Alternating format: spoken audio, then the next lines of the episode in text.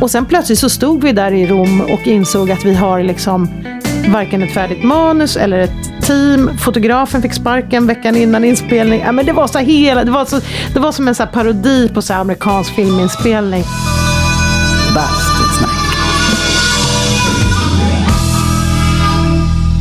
Nej men god dag och eh, hej och eh, välkomna till avsnitt 67 av eh, Bastusnack. Podden där jag, och David Granditsky, sätter mig i min bastu med en kompis och snackar lite grann. Dagens gäst kommer vi alldeles strax till, men först skulle jag vilja berätta att Bastusnacks sponsras av Tylö Helo Bastu. Det är det självklara valet när det gäller basturum, ångbadslösningar och ja, wellnessprodukter i allmänhet. På tylö.se så kan du hitta allt du behöver för att bygga den ultimata bastun. Eller om du hellre vill det, ett litet basturum. Alltså, du behöver inte ha ett stort badrum för att kunna njuta av ett bastubad. Även om du bor i en liten lägenhet i stan så finns det troligen tillräckligt med plats för en liten bastu. De minsta modellerna tar nästan ingen plats alls. Det är ah, mindre än två kvadratmeter. De är mycket enklare att installera än du tror. En minibastu det är det perfekta sättet att tillföra känslan av lyx till ditt kompakta hem. Variationerna är oändliga. Hos Tylohelo så hittar du ett rikt utbud av bastuprodukter. Surfa in på tylö.se och shoppa loss. Ja, själv har jag ett Tylösens Sport bastuaggregat som jag är grymt nöjd med. Det blir varmt på ett kick så det är otroligt lätt att spontanbasta när andan faller på. Och det gör den ju. Surfa in på tylö.se och läs mer. Dagens gäst fyller faktiskt år idag. Eller ja, precis just nu när jag står och säger det här och jag tänker lyckas släppa den här podden på hennes födelsedag. För idag fyller Ella Lemhagen år. Ella eh, tänker jag inte berätta hur jag känner för det får hon göra själv. Ella har ju regisserat film väldigt länge. Eh, hon har gjort succéer som Patrik 1,5, eh, Kronjuvelerna och inte minst eh, Tsatsiki, Morsan och Polisen. Mycket bra filmer allihop. Uh, och om ni tycker att Bastusnack är för övrigt en mycket bra podd så tycker jag att ni kan dels prenumerera på den i er app uh, och så ska ni gå in på uh, iTunes och skriva en liten recension för det hjälper mig att nå ut till fler. Nåväl, eh, när ni lyssnar på det här eller efter ni har lyssnat på det kan ni gå in på Bastusnacks Facebook-sida också för där kommer jag att lägga upp lite bonusmaterial och bilder och sånt där. Nu ska jag sluta tjata, så nu tycker jag att vi går direkt till bastun med Ella Lemhagen.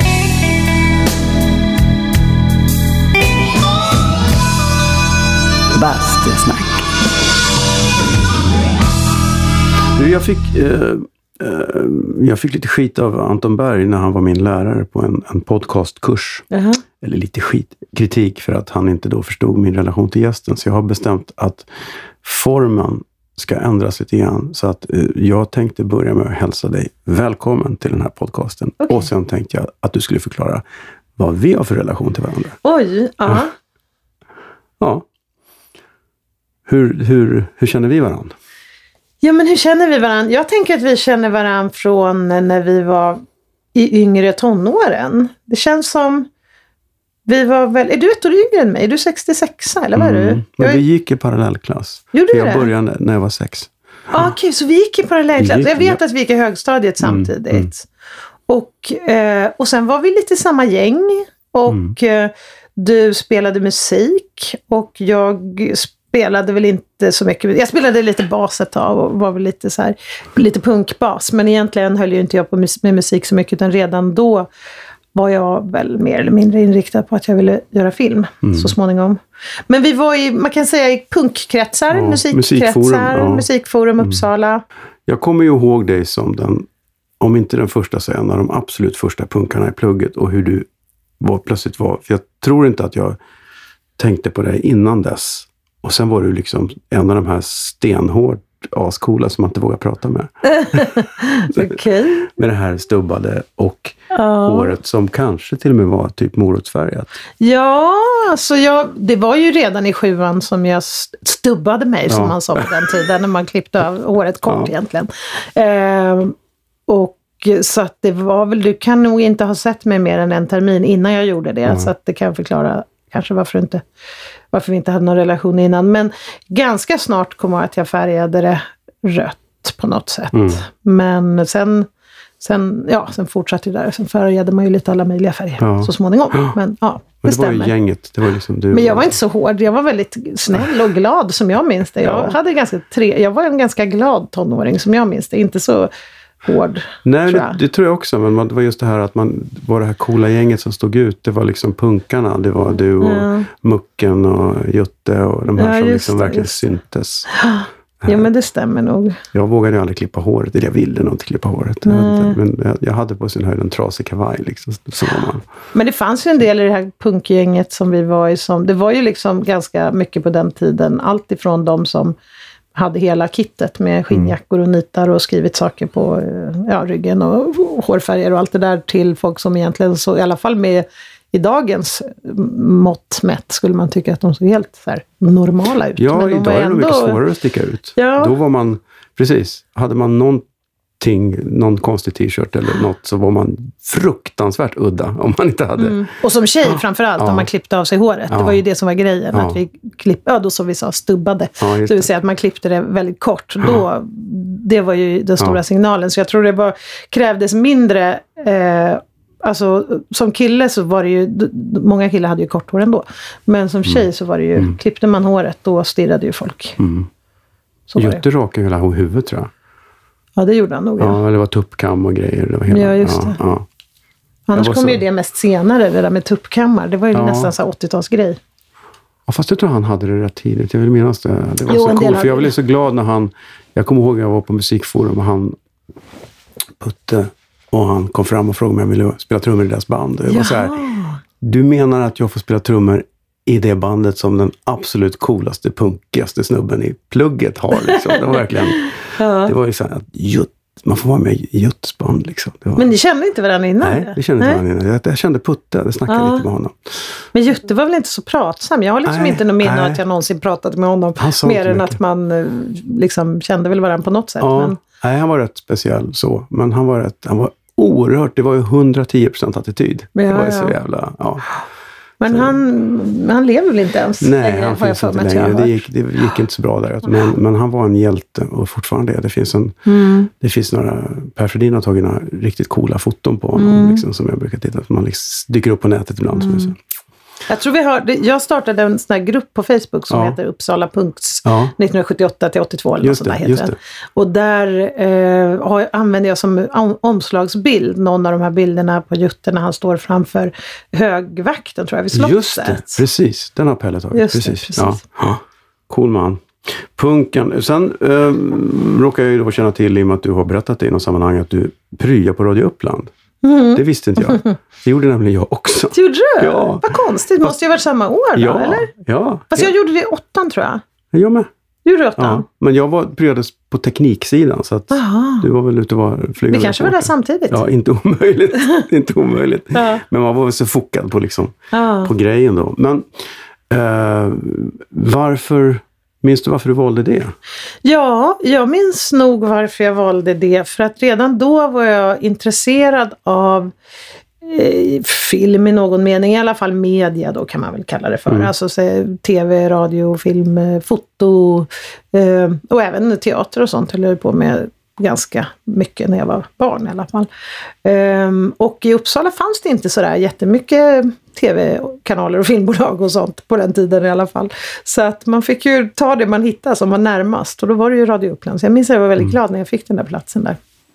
Och gav det något då? Alltså du kunde bära med dig sen eller var det mest en Jo, men jag tror det gjorde det faktiskt. Alltså jag var ju så ung då så det är kanske inget jag går och tänker på idag. Men, men jag tyckte det var kul. Det enda som jag minns som var mindre kul var att jag förväntades vara där typ fem på morgonen eller någonting. Det var någon hiskelig tid jag skulle vara där. Alltså det var typ mitt i natten skulle jag vara där. För att vara med på innan de förberedde de absolut tidigaste morgonnyheterna ja, ja. och sånt. Så jag hade hemska arbetstider. Men eh, i övrigt så minns jag att jag tyckte ändå att det var rätt kul. Sen kände man sig väl lite sådär bortkopplad som det är lätt att man gör om man är 14 år och står på en arbetsplats. Och liksom, vad, vad gör man egentligen för mm. nytta? Tar du en pryoelev när du är film nu? Mm, Nej, alltså pryoelev vet jag inte om jag har haft någon. Praktikanter har vi väl mm. haft, men de har väl oftast varit äldre. Men det är ju nästan alltid filmbolagen som bestämmer sånt. För jag har ju svårt som regissör att gå in mm. och bestämma för att det är ofta så stor apparat och det ska skjutsas folk och det ska vara mat och det ska vara boende mm. och det ska vara... Det är ofta är man ju långt ute i en skog någonstans. Mm. Ibland till och med i ett annat land i en skog någonstans.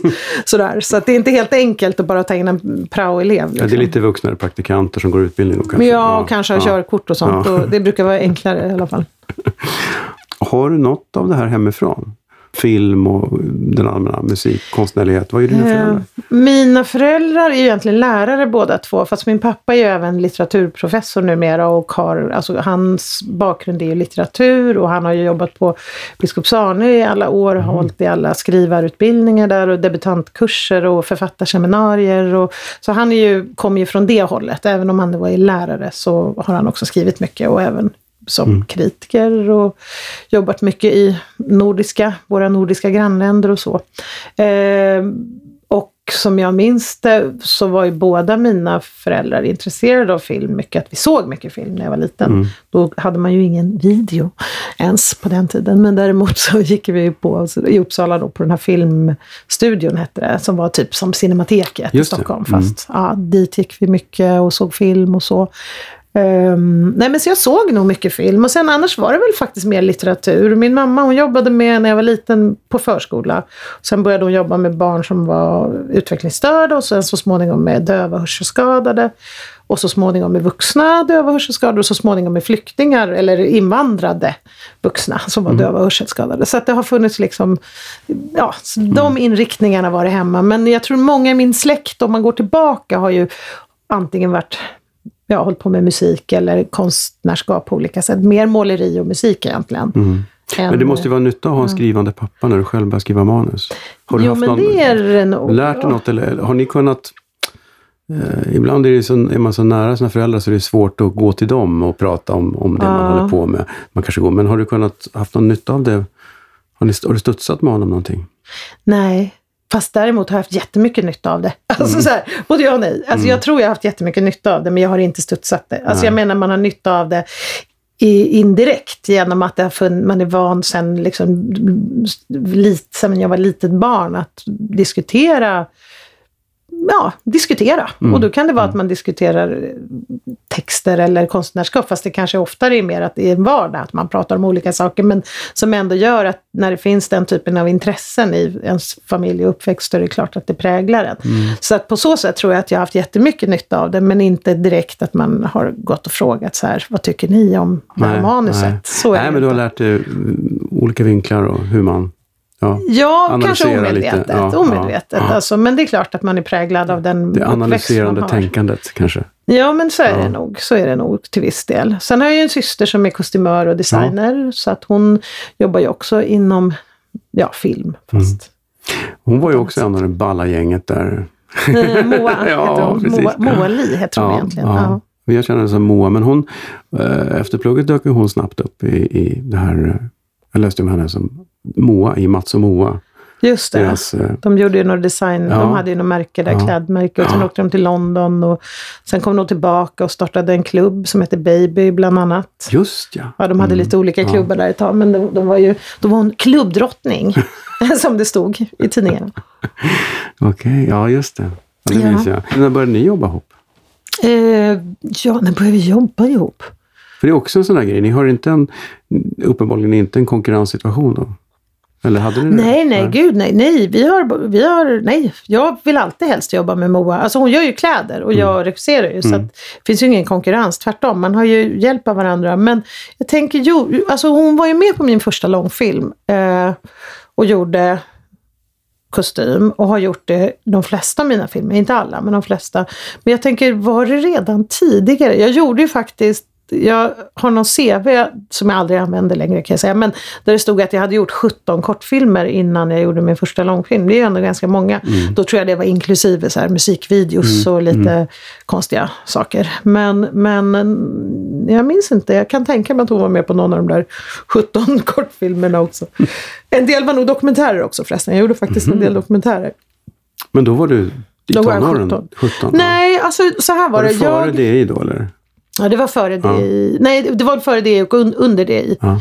Alltså jag gjorde ju ett antal filmer innan det och sen gjorde jag ett antal filmer på det som då var ju kortfilmer. Det var ju det man gjorde. Och sen gjorde jag en kortfilm när jag gick ut från filmskolan som mer kom att fungera som någon form av pilot inför min första långfilm som hette Drömprinsen-filmen om mm. Och den kortfilmen hette 13-årsdagen. Men det var egentligen så att jag hade skrivit ett väldigt, väldigt stort material, alltså texter som handlade om några unga personer, eller mm. väldigt unga, mm. ja, som var i den åldern som du och jag var när vi träffades, alltså 13, 14, 15 år. Och eh, jag hade skrivit ett antal berättelser om de här och i början när jag skrev det här så visste jag inte riktigt om det skulle bli en kortfilm eller en långfilm eller en tv-serie eller mm. tio långfilmer för den delen, för att det var väldigt mycket material.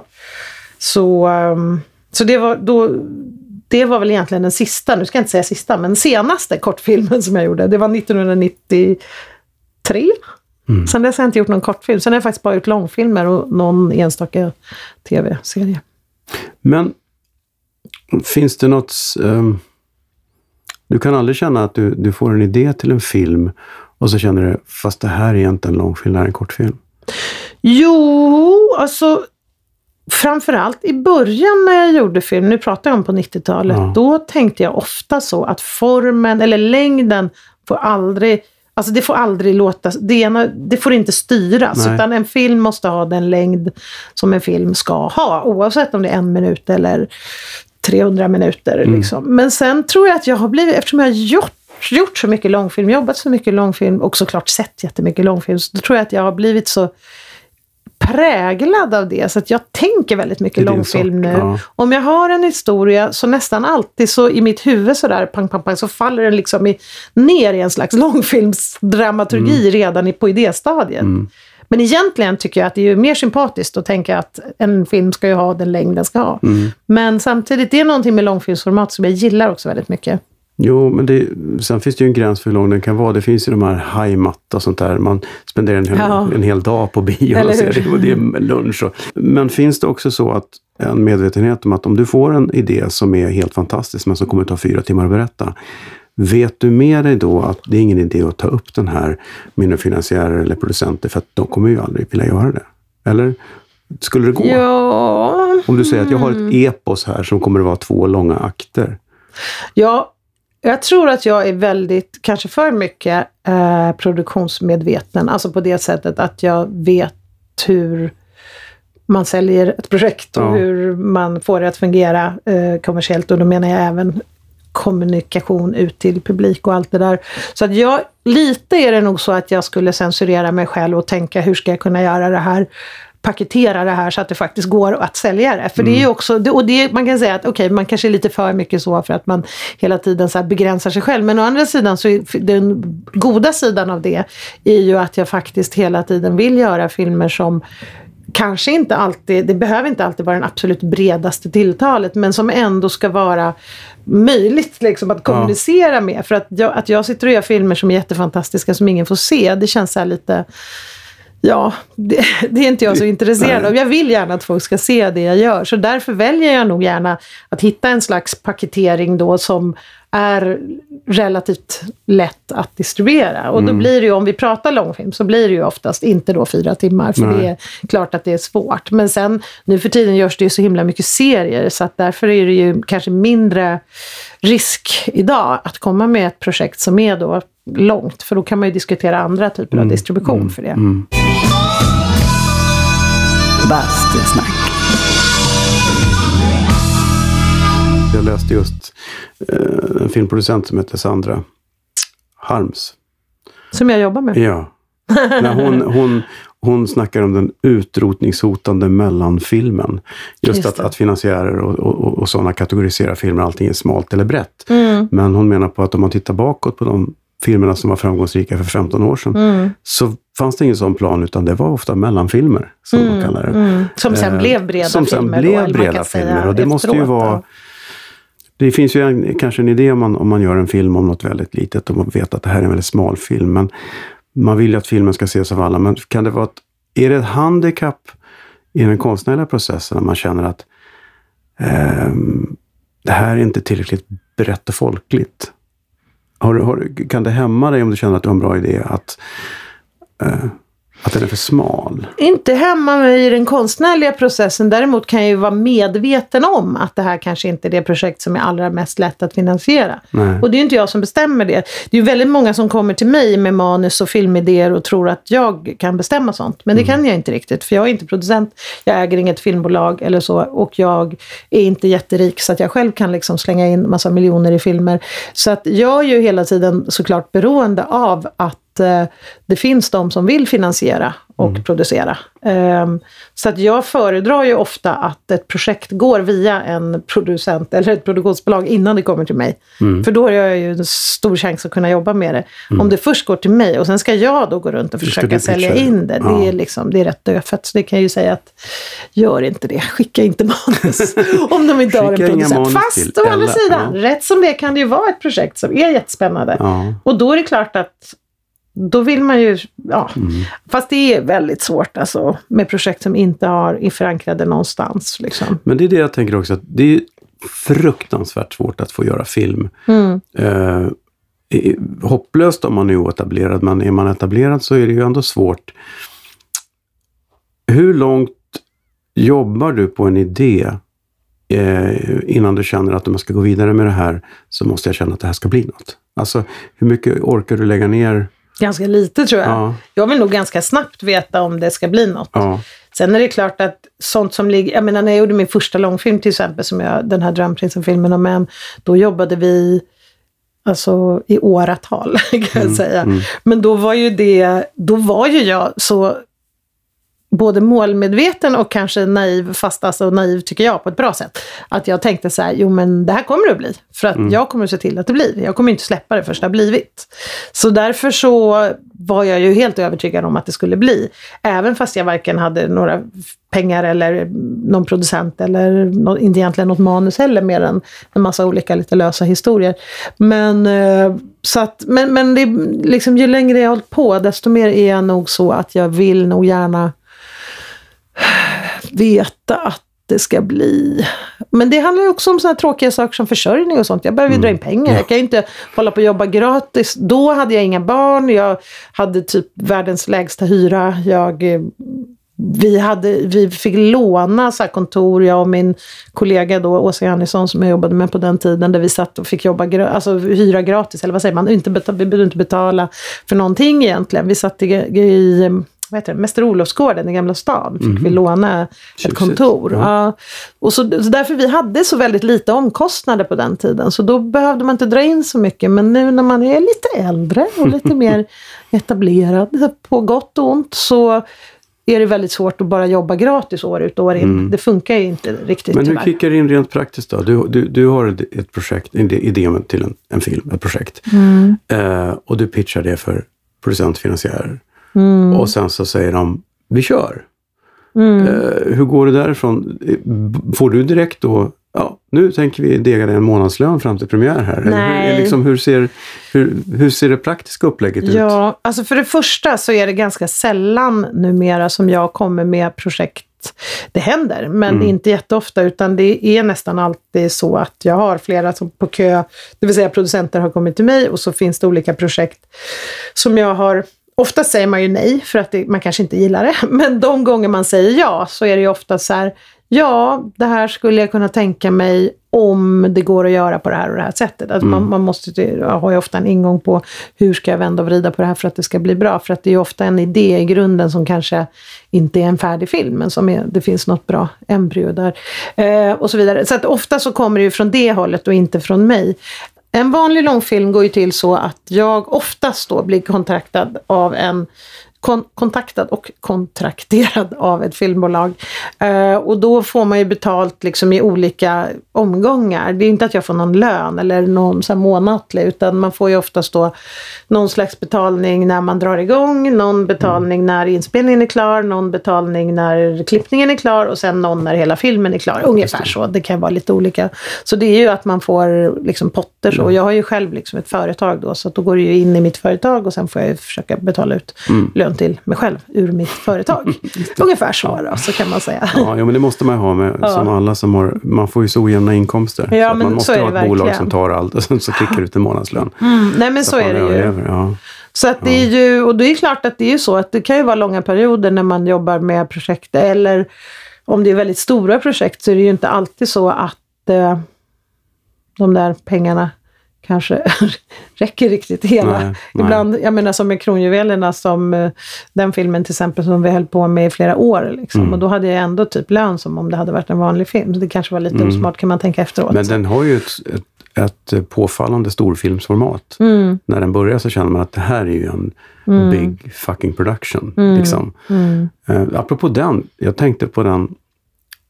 Du är ju som pappan där lite grann. Va?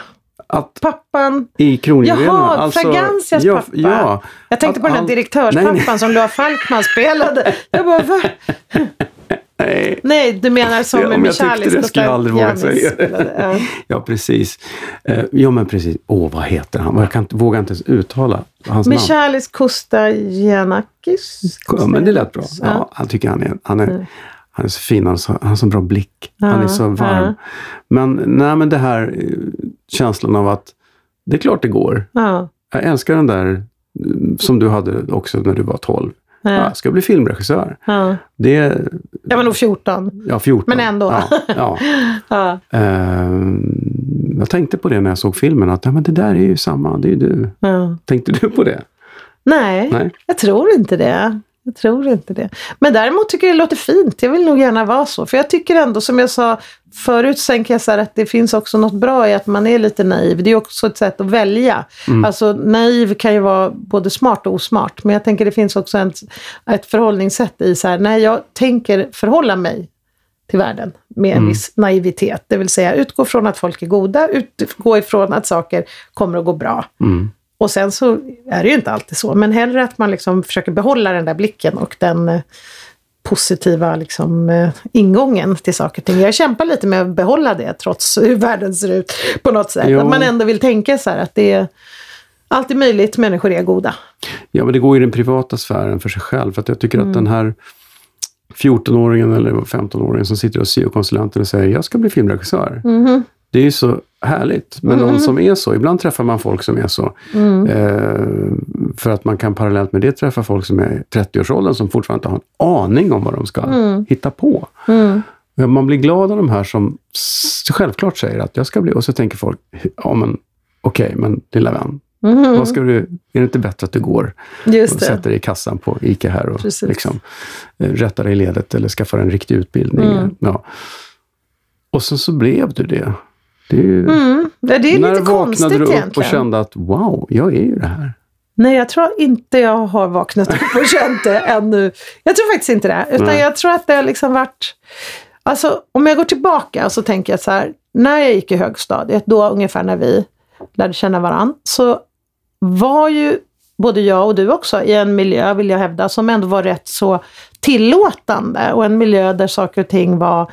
Det var inte så himla konstigt och då kopplade jag det lite till det här med punken och det här mm. just musikforum och sådana ställen där vi hängde där det var rätt... Det var inte så långt steg från att tänka jag ska stå på en scen till att man faktiskt gjorde det till exempel. Nu pratar jag mm. mycket så här, utifrån punken eller utifrån det här med att bilda band och så. Men folk gjorde ju även tidningar eller man gjorde andra, liksom, till viss del vissa politiska ja, politiska inom citationstecken kanske, för aktioner och ockuperade hus och vi försökte starta olika föreningar och det var väldigt mycket sånt där som pågick under de åren tycker jag. Och eh, då är det inte så konstigt att utifrån det perspektivet tänka så här, ja men jag ska ta upp en kamera och börja filma. Mm. För att det, ja, var, inte, det, det var ja. inte så mycket konstigare än att ta upp en gitarr och börja spela Nej. några ackord.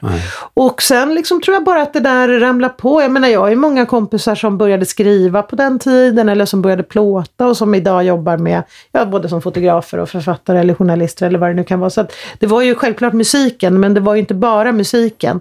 Och eh, att jag då började göra film, det är klart att det var lite krångligare eftersom särskilt på den tiden så hade ju inte alla sin egen filmkamera i fickan, alltså i mobiltelefoner och sånt.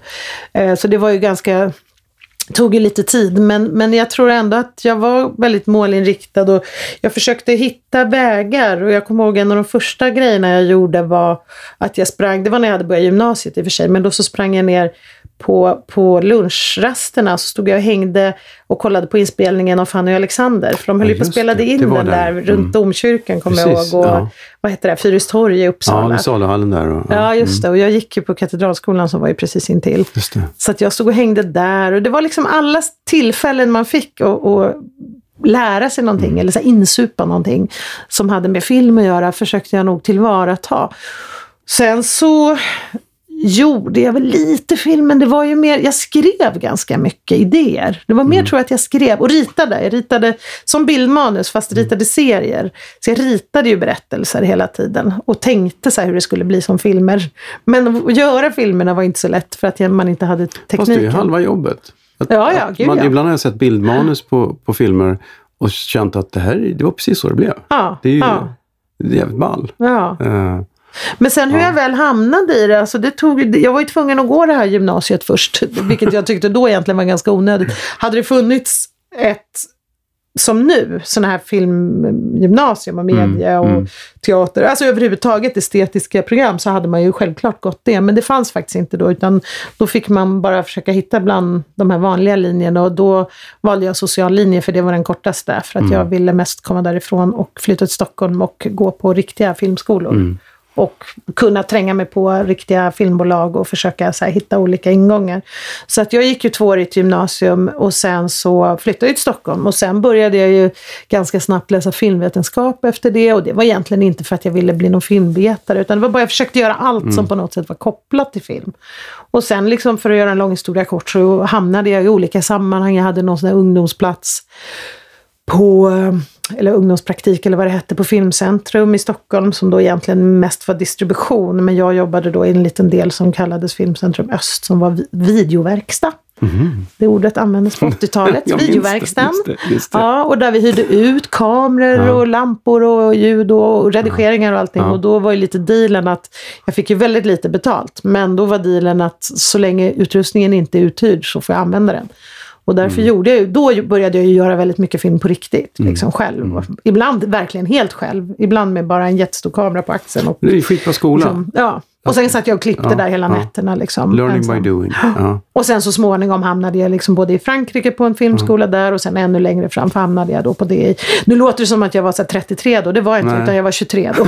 Men jag hade ändå hunnit göra en del grejer. Men var det, var det uh för ibland så vet jag att folk söker dig eller scenskolan och är för unga för det. Ja. det men det var väl en ganska hur gamla är folk när de gör eh, jag, Ja men det där kollade jag ju, nej, jo jag var väldigt ung för jag kollade nämligen i, redan när jag gick gymnasiet, eller redan när jag gick högstadiet tror jag, jag kollade ja. upp vad medelåldern var för att komma in på DI, för jag ville ju helst börja så fort som möjligt, mm. för det var ju typ den enda filmskolan som ja, fanns på oh, den tiden. Nu finns det ju fler, men och då var det 28 år och jag tänkte, åh herregud. Jag och jag var typ 15 och jag bara, herregud, jag ska väl inte säga 28 år. Det var i alla fall på regi var det 28 och då så, um, när jag sen sökte då när jag var 23, så kommer jag ihåg att jag tänkte att jag får väl söka nu och så får jag liksom gå igenom förhoppningsvis några steg i den här processen så att jag sen vet nästa gång när jag söker. Mm. Och det var ju vartannat år. Så tänkte jag, då får jag söka sen när jag är 25 nästa gång och så får jag väl söka när jag är 27 och då mm. kanske jag kommer in mm. då. då. Mm. Men jag kom in! Redan första gången. Varför tror du att du kom in? Var det för att du hade en drive som de gillade? Eller för att du hade... Jag vet faktiskt varför jag kom in och det här ja. är väldigt konstigt för jag visste inte det då. Men ja. vi, det fanns en regilärare på den tiden som heter Janos Hersko som inte lever längre, som var ungrare. Han var regissör från Ungern. Mm. Uh, han var tillfälligt rektor precis när jag började, men han var från början regilärare. Han var en av dem som var med och valde ut elever och han berättade för mig, alltså säkert något år efteråt, att han hade sett ett klipp ifrån, eller kanske en hel film som jag hade gjort. Jag hade gjort en kortfilm för SVT. Och redan då kan man säga, när jag var 21, hade jag gjort en film som hette Tack för en tid som var. Som faktiskt handlar lite om, det var lite kopplingar till vår bakgrund, mm. David, och det här med mm. punken och, och ja, det var lite sådär, se i backspegeln, vad var det som hände under de här åren? Det var i alla fall en film som var lite halvdokumentär men också väldigt mycket musik, väldigt mycket formexperiment kan man säga. Um, ja, någon slags blandform. Den hade han sett och tydligen var enormt förtjust i. Så han hade tänkt redan innan han träffade mig att den här personen ja. ska börja på den här skolan. Men det visste ju inte jag. Ja. Jag fick ju gå igenom alla de där proven och sitta och svettas och tro att, att jag ja, inte alls hade någon chans. Så måste man ju göra. Men, men eh, jag kommer osökt att tänka på, är det inte dags att göra den filmen nu då? Om, om punken och, och hur trötta de här gamla proggarna var och hur, hur vi tyckte att vi... För musikforum var ju deras ställe ja. egentligen. Alltså det där är, det... är, ju en fråga som är lite känslig. Eller jag kan säga det. Nej men så här var det. Jag har faktiskt hållit på med ett sånt projekt till och från eh, i flera år faktiskt. Sen var vi ganska nära att spela in en film. Jag och ett filmbolag som heter Filmlans som jag jobbar mycket med. Uh, och det här var, ja när var det? Några år sedan nu i alla fall. Då var det väldigt nära och vi var liksom på gång och började planera. Mm. Vi hade ett manus och mm. allting. Men precis då så visade det sig att Lukas Moodysson hade gjort den här, eller skulle börja spela in en film som heter Vi är bäst. Som i och för sig inte är jättelik, men det var, och den, men det var ändå så här, den utspelas tidigt 80-tal, det är några unga så här, punktjejer i 14-årsåldern och min var ju sent 70-tal, mm. några unga mm. punktjejer i 14-årsåldern. Men det var ju liksom olika, helt olika historier, men det kändes ändå väldigt svårt då i det läget att komma med och försöka ja. sälja in en till film som var ändå så pass mycket i samma värld. Och sen då tappade jag väl lite så här energin för att jag hade jobbat ganska hårt med det där ganska mm. länge och var väldigt sugen på att göra det.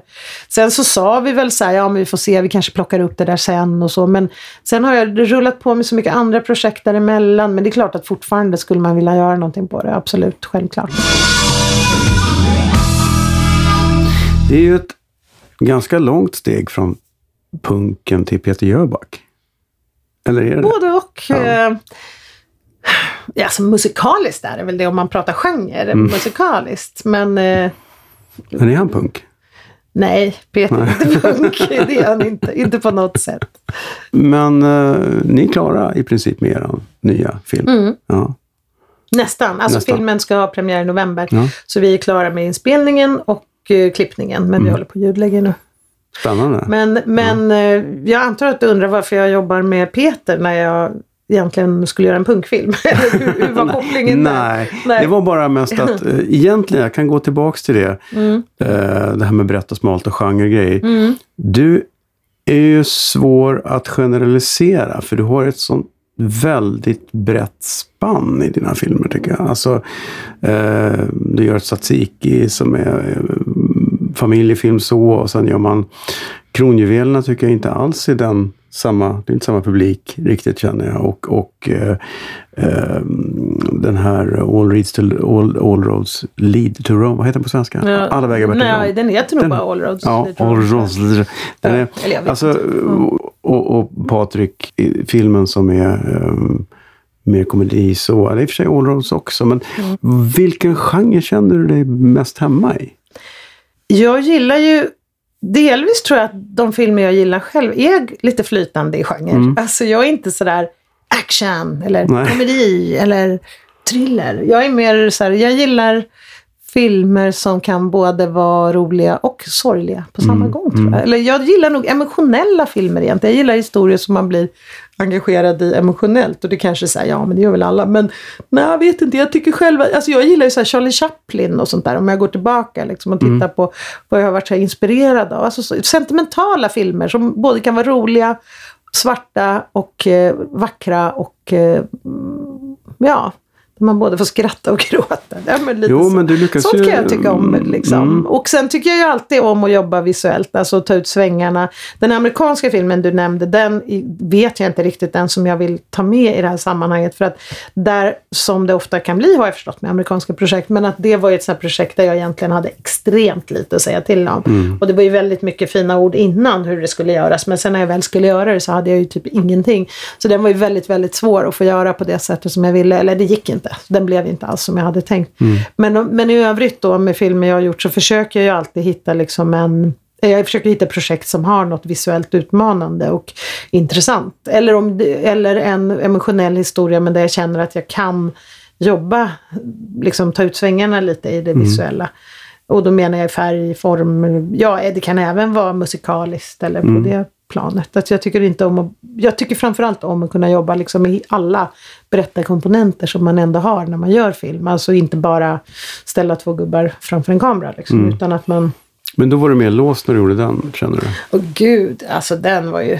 Men den fick du, inte... För den, är ju, den känns ju inte som att du har ringt och sagt att åh, jag har tänkt att vi ska göra en sån här med Sarah Jessica Parker. Och liksom. Nej, men det är nästan aldrig jag som ringer. Jag sa ju det, det är oftast ja, de som ringer. Jo, men ändå. Det är en, det är en uh, det är en liten udda... Ja, nej men med den var det så här. Jag har faktiskt redan när jag gjorde den här Satsiki för en massa år sedan eh, så den fick ju en hel del eh, internationell uppmärksamhet och mycket priser och så. Och redan då så dök det upp någon person som ansåg att hon skulle vara min agent tydligen i USA. Och jag var ganska ointresserad för jag hade liksom två småbarn och ja, det var fullt pådrag på eh, olika plan.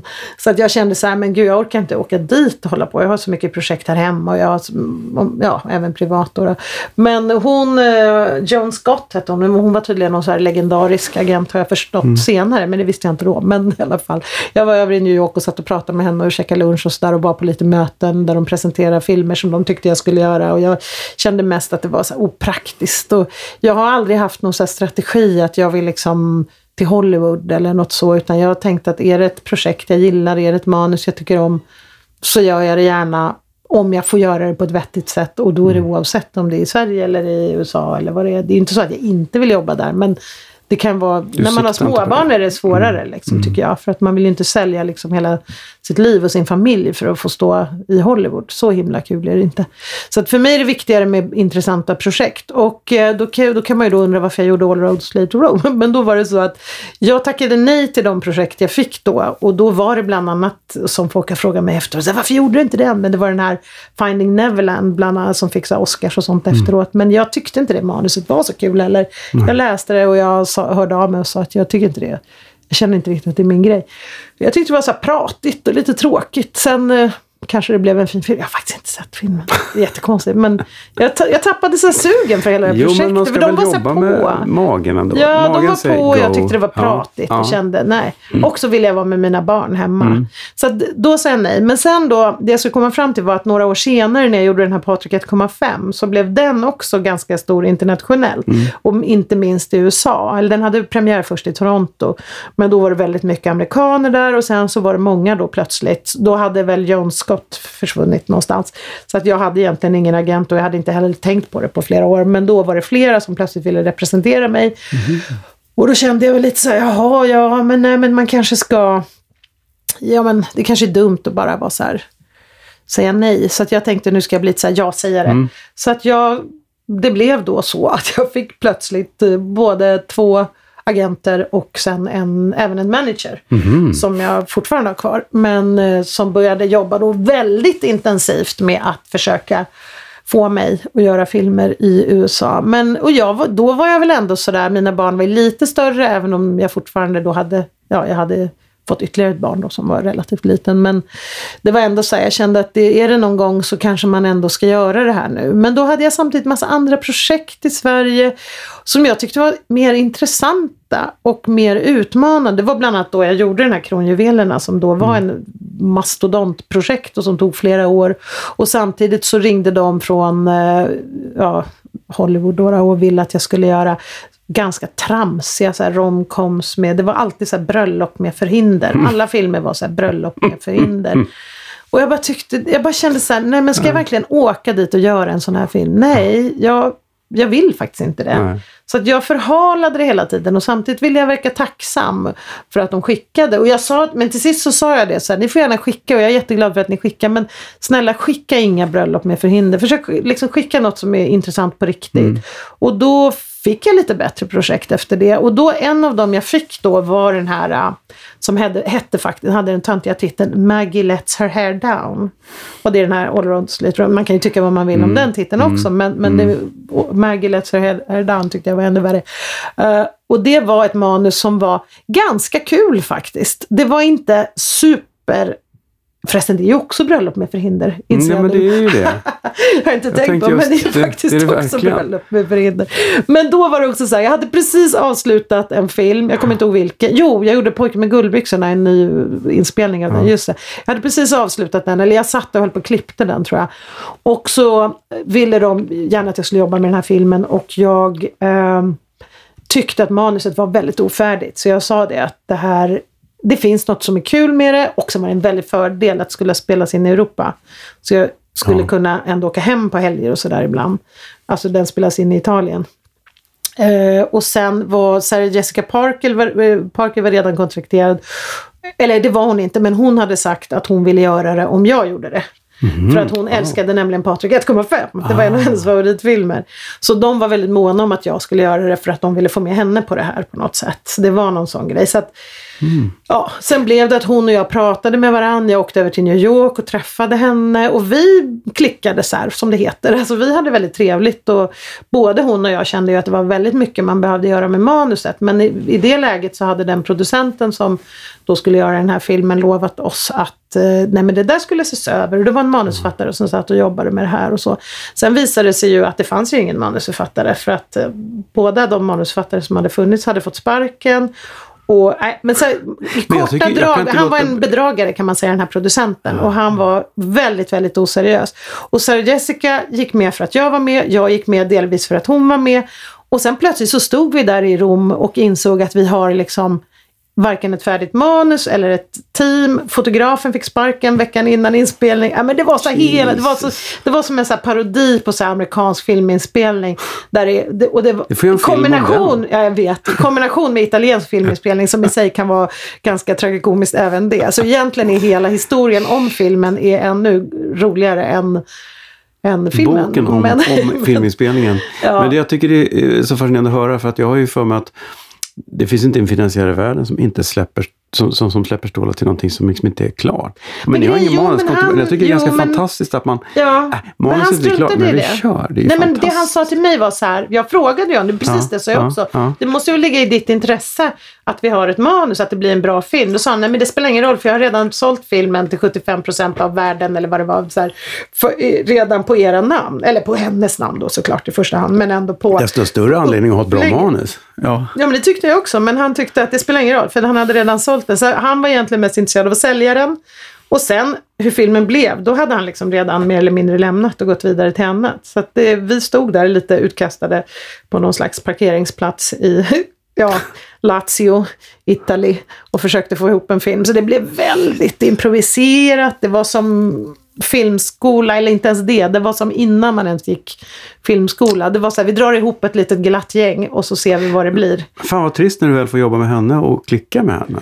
Ja, alltså både hon och jag var frustrerade i ett ja. ganska litet men, ord. Men, men tror du att det känns som att ni har ändå byggt någon sorts relation så att ni kanske kan göra någonting i framtiden? Ja, det har vi ju pratat om och hon har ju sagt att hon jättegärna vill göra en, så här, en riktig film. Ja. jag har ju också sagt att jag skulle kunna tänka mig verkligen göra en riktig film med henne. Så att det är absolut. Men man kan väl säga att det här var ju, det var ju lite lekstuga alltihopa. Jag var faktiskt på väg flera gånger att ta bort mitt namn. För jag sa att jag är inte mm. intresserad av att mitt namn på det här. Men sen så, ah, vi räddade det på något sätt i slutet. Jag tycker det finns flera saker i den filmen som, så, ja men några grejer som är lite skojiga och lite gulliga och så här. Och sen en del grejer som jag inte alls tycker är bra.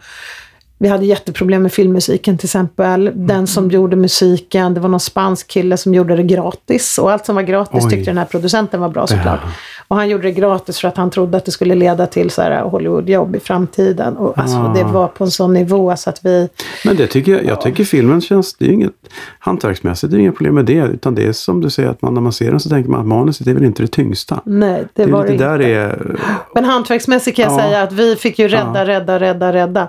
Alltså det var, ja. det var värre än vad det blev. Men för samtidigt det, när man det, lanserar en film... Den känns ju inte yxig på det sättet. Nej, fast jag menar det var ju väldigt mycket jobb för att få den att inte kännas yxig. Man kan säga att det var väldigt nära att det inte ens gick att klippa ihop den kan jag säga. Ah, så att det var saker vi fick åka ner och komplettera och rädda så i sista sekund. Och, Ja, det var... ja, men det är en lärdom kanske? Eller ja, jag vet, vet inte. Mer kanske en lärdom att, att man ska vara ännu hårdare till sin... Alltså jag kan ju känna att det är min manager och mina agenters faktiskt mm. ansvar lite. Mm. Att de faktiskt borde ha kollat upp det här innan de gav det till mig så att ja. säga.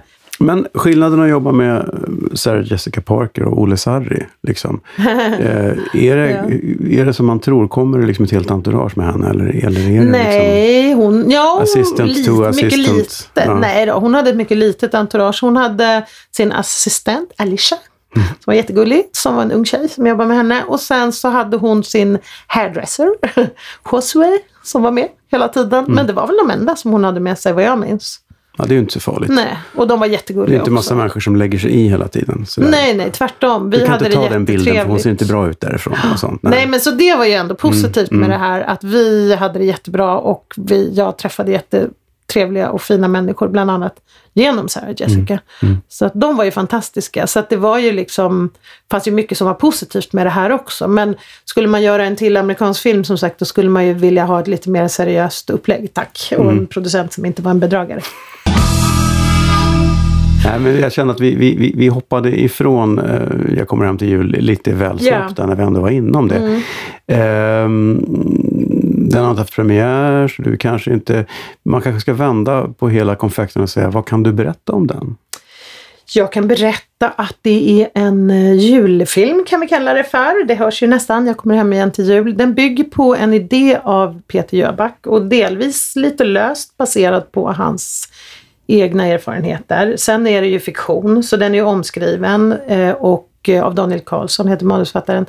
Och jag har även eh, varit inne och bearbetat tillsammans med Peter och Daniel en del och framförallt har vi ju jobbat mycket med att få in musiken som ett berättarelement. För att det här bygger ju också på Peters skiva. Han gjorde en julskiva för ett antal mm, år sedan. Med samma namn. Ja. Precis, Jag mm. kommer hem igen till jul. Så att vi har ju jobbat mycket med utifrån en musikalisk idé men också utifrån en idé som, alltså egentligen en story om två bröder som har varit ifrån varandra i flera år och som återser varandra över julen och övrig släkt också, deras mamma inte minst. Så det finns en, en historia runt vad som händer i den här familjen när de återser varandra kan man säga under julen. Men det är också en väldigt, tycker jag, visuellt fin, vacker film Ja, faktiskt också ganska emotionell som jag sa att jag tycker mm. om emotionella mm. historier. Men jag kan säga också att det var ju väldigt speciellt att göra den här filmen. Alltså jag kommer hem igen till jul för att Delvis för att det bygger på Peters historia och det är en mm. historia som ligger väldigt nära honom. Och han kom till mig redan för flera år sedan med den här. Innan det fanns producent, ja det här, innan det fanns producent eller mm. finansiär, mm. ingenting.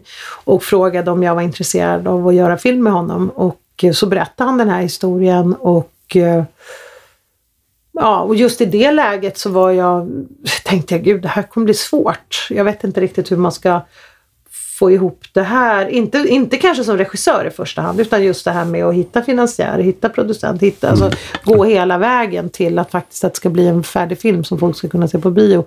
Men sen så fick ju Peter Peter, ja det är en lång historia, men Peter fick ju kontakt bland annat med Sandra Harmstad och de hade även mm. jobbat tillsammans med tv-serier som heter Modus och som Peter hade en liten roll i.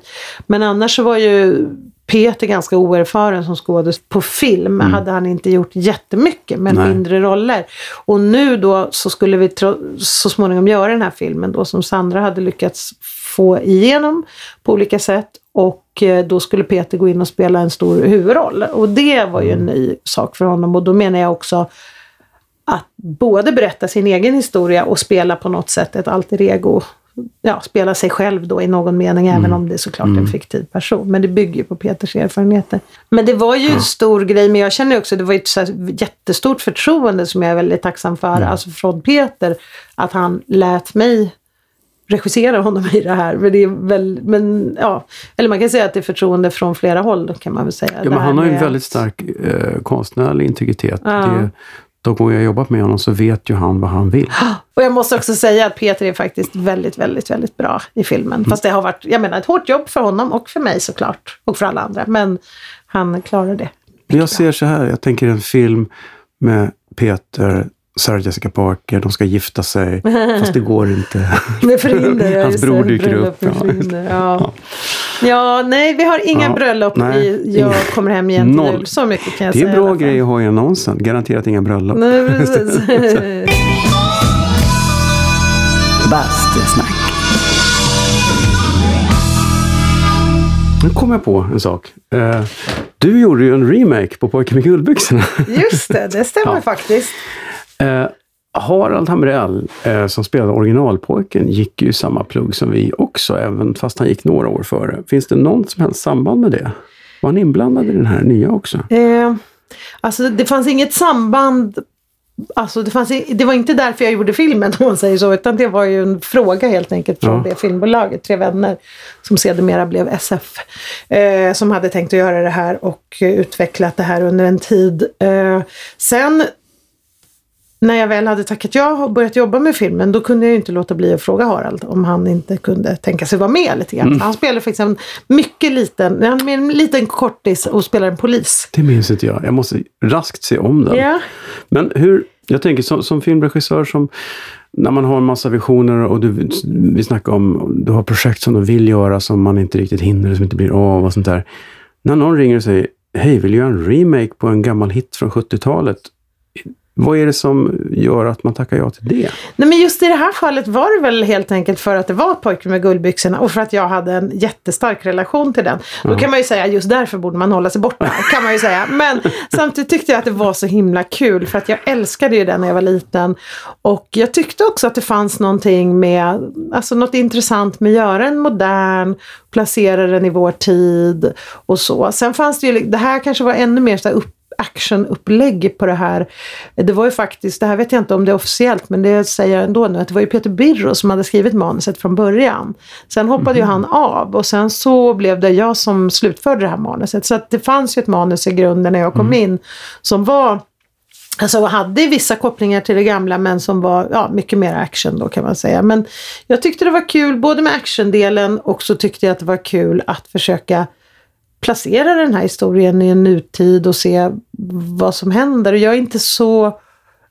Man kanske borde ha mera respekt för originalet men jag tyckte ändå att det var kul att skita lite i det. Det är kul att man kan berätta historien igen. För ja. att, eh, om man visar en, som den som vi har i huvudet för våra barn så kanske inte de går igång på det. För det kanske är en annan berättarteknik. Ja. Så att man inte, jag vet att jag hittade en film på SVT Play som jag bara älskade när den kom på 70-talet. Och det är Fimpen. Oh, finns den på SVT Play? Ja, jag Gud, tror att det... ja, att jag vill se ja. om. Jag älskade Eller, den också. Jag, tyvärr så tror jag att det var så här. Den gick kvar 24 timmar till. Men, ja, men den finns, den finns kanske någonstans på, på nätet på andra Gud, sajter också. Gud vad jag älskade den också. Ja, och sen så har inte jag sett den sedan jag var liten. Nej. Och sen så det var Bo Widerberg Det var Bo Widerberg, ja. Ganska, ja. ja. Bo Widerberg. Och uh, så sa jag till min grabb att den här filmen för han är 12 och han spelar skitmycket fotboll. Det gjorde inte jag och jag tyckte den var bra ändå. Ska vi se den ihop? Uh. Ja, vad kul, säger han. Sen upptäcker jag efter en liten stund att Dels så tycker jag att det är roligt att det är det landslaget. Det är så här Ronny Hellström och Just Ralf Edström och alla de här ja. som han knappt vet vilka det är, Nej. även om han inte ser. Men, men det hade ju varit som att ha med Zlatan idag. Mm. Men sen är det också det att det är en helt annat tempo liksom, Mm. eh, än vad han är van vid. Mm. Eh, så han tyckte väl att den var lite kul. Men den är ju, och, och, och jag bitvis så måste jag ju säga att den, eh, det finns ju sekvenser som är direkt dåliga. Den är, ja, det är lite sådär. Men du förstörde min men illusion. Det var min. Ja, favoritfilm när jag var förlåt, liten. men du sa ju att du skulle se om den. ja, men det var min också. Jag vill se den. Jag tyckte det vill var den Ja. och, och eh, Bugsy Malone såg Ja, jag den flera älskade gånger. jag också. Ja. Herregud. Ja. Den Bugsy Malone tror jag jag såg så varje vecka under en period. På den tiden, alla som är unga, det var ju sådär, mina barn förstår ju knappt det där även om Nej. de förstår det väl intellektuellt. Men det där att man kunde ju inte bara se om en film. Då var man ju tvungen att gå tillbaka till bion och köpa en ny biljett. Nu är det bara att köra liksom Mm. Netflixa allting ihjäl sig. eller ja, Ja. Mm. Netflix eller lägga in det, köpa det på iTunes eller någonting så har man det. Men så var det ju verkligen inte. man Men gick- Bugsy Malone är nog den som jag såg allra flest gånger faktiskt. Man gick ner på typ så här Slottsbiografen eller vad det Ja. nu hette, kamera. Eller på den där biogatan i Uppsala. Ja, den- det. den kallas biogatan, för det Biogatan. fanns två biografer. det var typ- Ja, det nej var- tre. var det Tre fanns det. Ja, det var två biografer på samma sida, på ena sidan av gatan. Just Sen var det det. en som var mitt emot. Undrar om det finns en biogata i Uppsala fortfarande. Var det ett bra beslut att inte vara med och göra fortsättningarna på Tsatsiki-filmerna? Det var ett mycket bra beslut. Det var ett väldigt enkelt beslut Det också så? kan jag säga. Det, var, jag, det var inte, fanns inte en sekund som jag övervägde att göra någon Tsatsiki 2. Det kan jag säga. Eller rättare sagt, jag fick frågan såklart efter jag hade gjort den första och jag sa att jag skulle vilja ha svar i så fall på varför ska den göras? Hur ska den göras? Ja, och när ska den göras så rent Mm, praktiskt? Och ingen av de eh, frågorna, framförallt varför ska den göras, den kunde jag liksom inte få. Nej, det var ju en till viktig fråga. Vad ska filmen handla om? Och det, hade ju ingen, det fanns ju ingen idé om det heller. Så det kändes så otroligt oseriöst. Och jag tänkte, jag går inte in och gör en film bara för att göra en film. Den producenten jag jobbade med då, hon hade någon idé om att gör vi en remake, vilket säkert är korrekt, men alltså det är ju idiotiskt. Det var så här, gör vi en remake inom det här antalet månader så säljer vi si och så många biljetter. Väntar vi ytterligare Ja, ja. ett antal Man månader. surfar Då, alltså det, ja, man sitter och tittar på statistik liksom, och tittar inte alls på vad ska vi berätta och för vem och det vad är ju vill inte så vi. att den från början är ett epos i Star Wars-klass att undra vad som händer när han blir tonåring. För det är inte där vi är. Vi gör bara samma grej igen. Nej men man hade ju kunnat gjort det med en annan producent, alltså med Mm. ett mer seriöst upplägg. Om man hade tagit fram ett manus som var tillräckligt genomarbetat, absolut. Varför Mm. inte? Inte för att det var något jag drömde om, jag menar inte så. Men det här fanns ju inget seriöst överhuvudtaget med att göra en remake. Det fanns ju ingenting. Nu ska inte jag prata om den tredje filmen, för den vill inte jag, där kanske det var Mm. en annan sak. För den gjordes ju mycket senare av nya människor och eh, med andra skådespelare. Så den, den Nej, håller jag syftar mer på situationen just då. Du har Ja, ja, nej, men smash. tvåan Det fanns jag aldrig en liten sån här känslan av att ja, men om vi gör en tvåa kanske man kan casha in ordentligt. Jo, så tänkte producenten, ja. Ja, men så men tänkte inte jag. Det var ju dessutom, jag fick ju inga pengar. Jag tror jag aldrig fått så, alltså jag fick sjukt lite betalt. Efter jag hade gjort den så skaffade jag en agent i Sverige. Jag Aha. hade ingen innan.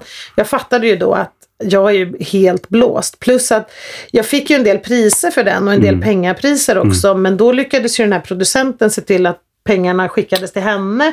Fast det stod uttryckligen att de skulle gå till regissören. Och så fick, jag- såg jag aldrig röken av de där prispengarna. Så att det, man kan väl säga att den som skulle casha in i det här fallet var ju producenten. Det var ju definitivt inte jag. Så att jag kände så här, det kommer inte, det, alltså det finns inte. Och även om jag hade fått bra betalt så hade jag inte gjort det Nej, för att det var så oseriöst. Ja, liksom. ja. Men däremot som sagt den tredje Satsiki, den tror jag, den vill jag inte prata om för den har jag ingen, inte haft någonting med att göra. Nej. Men just när det skulle göras en uppföljare, alltså tvåan då. Mm. då. Sen blev den ju faktiskt riktigt usel också, det får man väl säga. Får man säga det? Det får man säga. Ja, jag tycker det var ju katastrof. herregud. Alltså tvåan.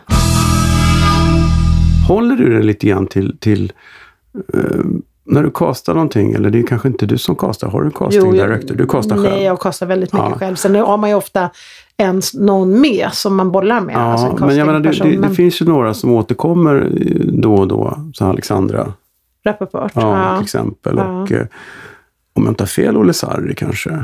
Eller Eh, ja, två gånger har jag jobbat med, det två filmer har jag jobbat Nej, ja, nej men jag har jobbat med Olle på lite olika sätt. Jo, men okej, jo, Olle har Ja, återkommit. Och Ja, det kanske finns fler. Är det, ja känner alltså, du att det finns att det ett antal är, är jobbar skönt att gå in med någon som du känner och som du vet hur de funkar? Är det att Ja. föredra framför att, att utsätta dig för en, en helt ny ensemble plötsligt?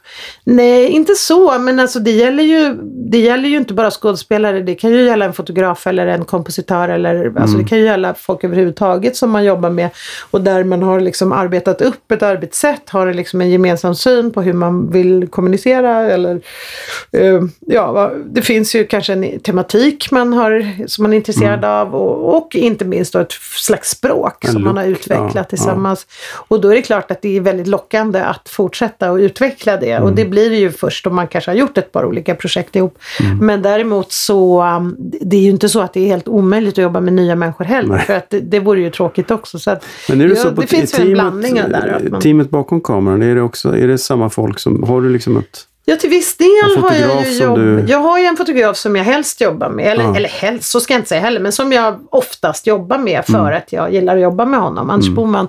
Men det betyder inte att det är omöjligt att jag jobbar med andra. Jag har jobbat med andra fotografer mm. också. Så att, och det har varit alldeles utmärkt det med. Men eh, det är klart att när det är folk som man har haft ett liksom långt samarbete med, som Anders i det här fallet. Vi träffades ju redan när vi gick på DI. Mm. Så att då är det ju väldigt så här, lätt ja, att kliva in igen. Vet, liksom. Liksom. Ja, ja, absolut absolut. Ja.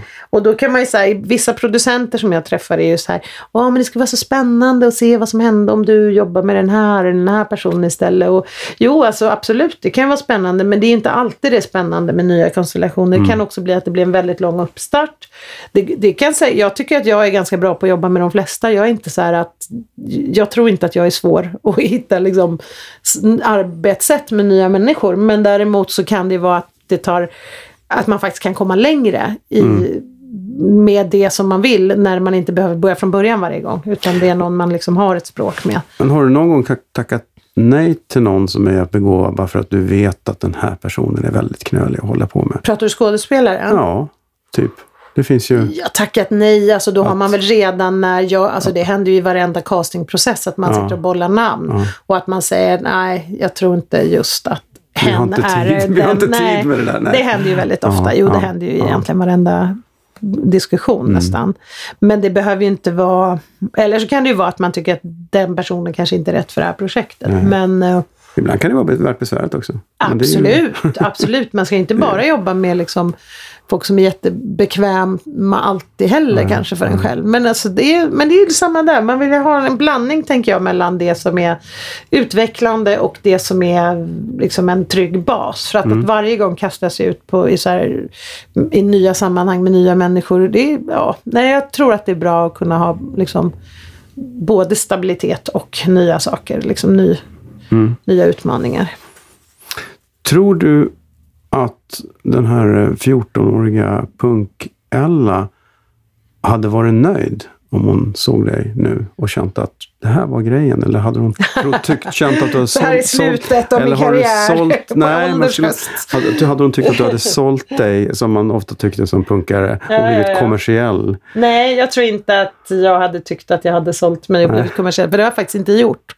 Och jag har varken blivit speciellt kommersiell eller och jag har definitivt inte sålt mig utan jag har ju fortsatt och tänker även fortsättningsvis fortsätta att göra det som jag tycker känns kul, det som jag tycker är utmanande, det som jag tycker liksom berättar någonting. Jag är ju fortfarande, jag tycker ju fortfarande, precis som 14-årig punkare, att det är viktigt med liksom att man har någon form av budskap i det man gör. Och då kan jag säga så här, men vad är budskapet med mina filmer? Ja, det kan man ju diskutera, men jag tänker ändå att det finns någon slags vilja att liksom berätta om eh, någon form av, det som jag sa faktiskt tidigare, godhet eller att jag tänker så här att människan är god, att det finns en slags, man vill sprida någon kärlek. Egentligen vill man ju förändra världen, skapa en bättre värld. Liksom. Och då tänker jag att det finns liksom olika teman, olika typer av berättelser som ändå återkommer i mina filmer, mm. även om det kanske är svårt att se så här, man bara kastar en snabb blick. Men, men som jag tycker, kanske. ja men något hoppfullt ja. och som också är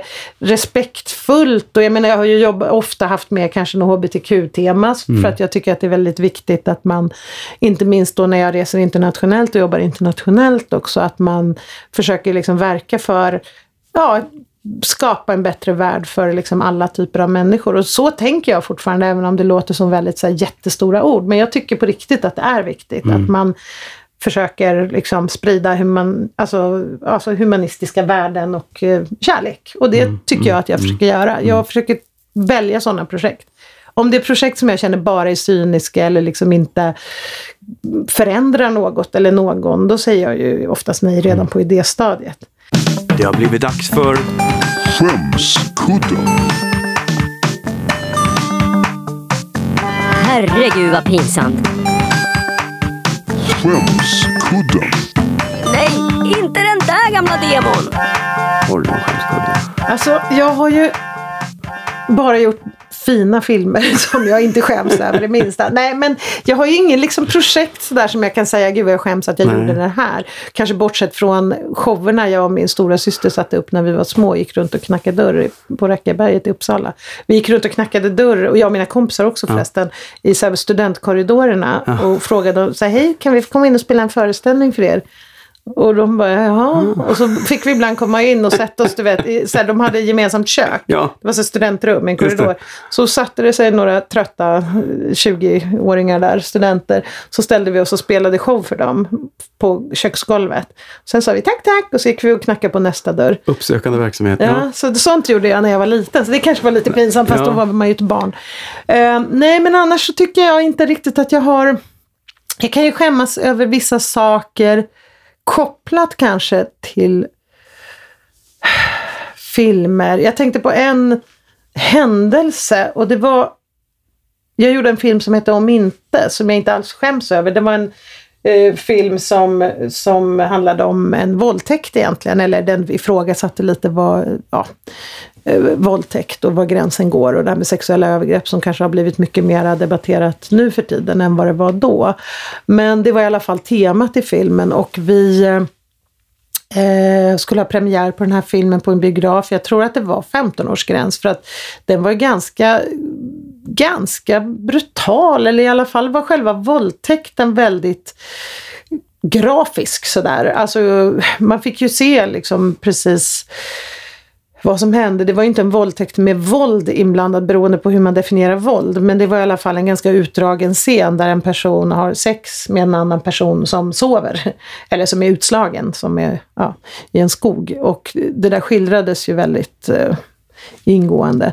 Och då vet jag att när den här när jag stod i foajén och blev fotograferad där av en massa ja, kändisfotografer så ser jag plötsligt hur lilla Samuel House, den här pojken som spelade Satsiki, mm. står där med sin hela familj. Och hans familj, de hade ju varit så måna om hela tiden när jag jobbade med honom. Alltså det var då min, den film jag hade gjort innan.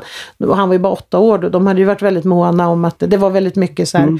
för att skydda Samuel. Ja, och han hade visst. ju inte heller utsatts för någonting. Så kom han med sin stora syster där med så rosetter i håret. Och, och så inser jag, men herregud, det är någon som har bjudit in dem till premiären på den här filmen om den här våldtäkten som är alltså utspelas på en festival, en skog med så nakna rumpor och mygg och fylla Oj. och våldtäkt. Och då kom jag att jag, hela den visningen så satt jag bara och tänkte på Åh herregud, hur ska jag, kanske inte Samuel själv, men kanske mer hans familj. Ja, men klara att se det här. Så tyckte jag att det var så hemskt att de satt i salongen. Så det var ju lite skämsigt. Men jag skämdes inte för filmen eller för scenen. Nej. Men just det där att det var verkligen fel publik just i det Någon tillfället. hade inte riktigt tänkt efter när de skickade ut inbjudningarna. Nej, de ja, visste klart han måste komma. Han var ju med den förra. Ja. Och så Vad handlar den om? Ja, det har jag ingen aning om. Men den är säkert jättebra. Nej, men det tyckte jag faktiskt var jobbigt. Att sitta där och tänka oh. att hur ska de hantera oh. det här nu? Med det här lilla oförstörda barnet med den här stjärnor i blicken. Liksom. Pratade ni sen om det? Nej, vi gjorde faktiskt aldrig det. Okay. Men jag, jag tror jag tänkte så här, oops, nu måste jag undvika dem. Jag hoppas att de inte blev helt traumatiserade. Mm. Men jag, vad vet jag. Jag ber om ursäkt nu till hela familjen om mm. ni ble, fick ett trauma. Och det var som sagt inte jag som stod för inbjudningarna. Nej. Så att, eh, ja. Bastusnack. När du, när du inte filmar eller skriver film eller tänker på film eller konsumerar film. Ja. Vad gör du då? alltså, jag jobbar ju väldigt mycket och på ett eller annat sätt så tänker man kanske alltid på film, det vill säga man har ju alltid olika projekt sådär. Eh, men jag försöker vara i Grekland om det går. Det vill jag helst. Mm. Eh, annars så, ja vad gör jag? Nej men jag, vad gör jag? vet inte. Kanske, ja men sådär tråkigt svar. Träffar så familj och vänner och så.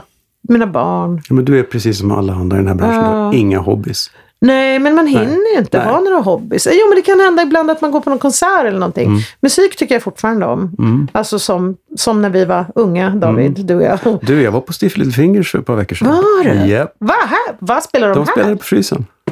Gjorde Ja, de? fantastiskt. För jag fick ju inte gå på den där. De var på Norrlands en gång. Ja, när vi var jätteunga, ja. Var du där? Ja, gud ja. Gissa om jag var. Men det var jag var ju- till och med bjuden på efterfest på deras hotellrum. Fast jag gick inte dit. För jag, så här var det. Alla våra kompisar, eller många i alla fall, var så här. Det är efterfest på Little Fingers hotellrum. Och alla skulle dra dit. Och jag och Oj. min pojkvän då, Bukten som jag var ihop med. Vi stod och tyckte att det var så otroligt pinsamt. Vi var så här, men gud, alla är groupies. Och vi tyckte det var så ja. opunkigt att sitta och hänga med bandet. För hela punkattityden skulle ju vara att man inte skulle Ja, se upp till Nej, ett band. Så vi så här, av princip gick inte vi dit. Sen fick vi höra dagen efter, alla som hade varit där. Och vi bara, jäklar, men vi var ändå så här, nej, vi, principiellt gjorde vi rätt som inte gick på efterfest. För det har ju förföljt mig i 40 år. För att jag, att jag inte fick gå på det där gigget. Och sen har de, de gångerna de har varit i Sverige har jag såklart alltid jobbat. Alltid varit någon fredag när man jobbar. Men jag har sett dem i jag Sverige dem, jag nyligen. dem, ja. Men jag såg dem alltså bara för ett par år sedan var de Jaha, ju. ja. Eller något år sedan. Jag har sett dem flera gånger. Det är då jag aldrig har kunnat gå. Nej. Så att jag blev så glad att jag kunde gå nu. Och Ja. jag blev så glad att de var så jävla bra. Ja, eller Det hur? var skitkul. Och att, Ja. Sen var det ju fascinerande att då var det ju massa eh, ynglingar som hoppade och slogs framför scenen sådär, Ja. pogo-dansade. Och nu var det tjocka farbröder som, gjorde samma sak. Det var så roligt. Gud, så roligt. Jo, det var vet. jättekul. Och det Ja. var, var inte en chef där under ja, 45, Nej. kanske 50. Men Om de var inte- riktigt bra när jag såg dem Ja. senast på, ja det var där, vad heter det, Kraken tror jag det heter, Mm. heter det där? där i Ja, slakthusområdet. Slakthusområdet, Ja. Mm. tack. Det var ju riktigt bra. De spelade även på, ah, det som har slagit igen, på Medborgarhuset. The Alltså, Baser. The Baser, ja. Mm. För några år sedan. Också fruktansvärt bra. Jag brukar alltid avsluta de här sessionerna med att säga, men du, vågar hoppa i sjön då? Men det, nu regnar det så jävla mycket så jag känner att, och det är ganska varmt i vattnet, men jag, jag tänker faktiskt inte fråga dig det här. Nej, för det, jag det, tror jag det, avstår. Man får ingen feeling i det här spöregnet. Men det är väldigt vackert. Det ser ju Ja, härligt ut. Det är underbart. Kära, det var kul att du ville komma. Ja men Ja. vad roligt att Ja. jag fick komma. Och kunde komma, för Ja. det var fråga förut. Och då Ja. inte jag, det har varit så mycket med allt Ja, som det är. det är ju det. Mycket, mycket, Ja. mycket. Ja. Men du, ehm, vi ses på någon premiär. Det gör vi. Bastusnack. Ja, tack för det alla. Det var kul att du äntligen kom hit. Um, på ehm, Bastusnacks Facebook-sida kommer jag att lägga upp lite bonusmaterial. Bland annat den där bilden, ascoola bilden på vår gamla kompis Jutte. När han står framför högvakten. Det, det är en Ja, det är en bild som typ sammanfattar hela punken. Och den är tagen av min gode vän Per Fredin. Honom ska ni kolla upp också. Per Fredin, fantastisk fotograf och gammal kompis sen plugget. Bastusnack sponsras av Tylö Helo Bastu. På tylö.se så hittar du precis allt du behöver för den ultimata bastuupplevelsen. Infrabastu, ångbastu, elbastu och vedeldat. Allt finns. Valet är ditt. Tylö.se är adressen. Det var allt för denna gång. Jag kommer tillbaka med en ny spännande gäst om en vecka eller två, sisådär. Till dess, basta försiktigt.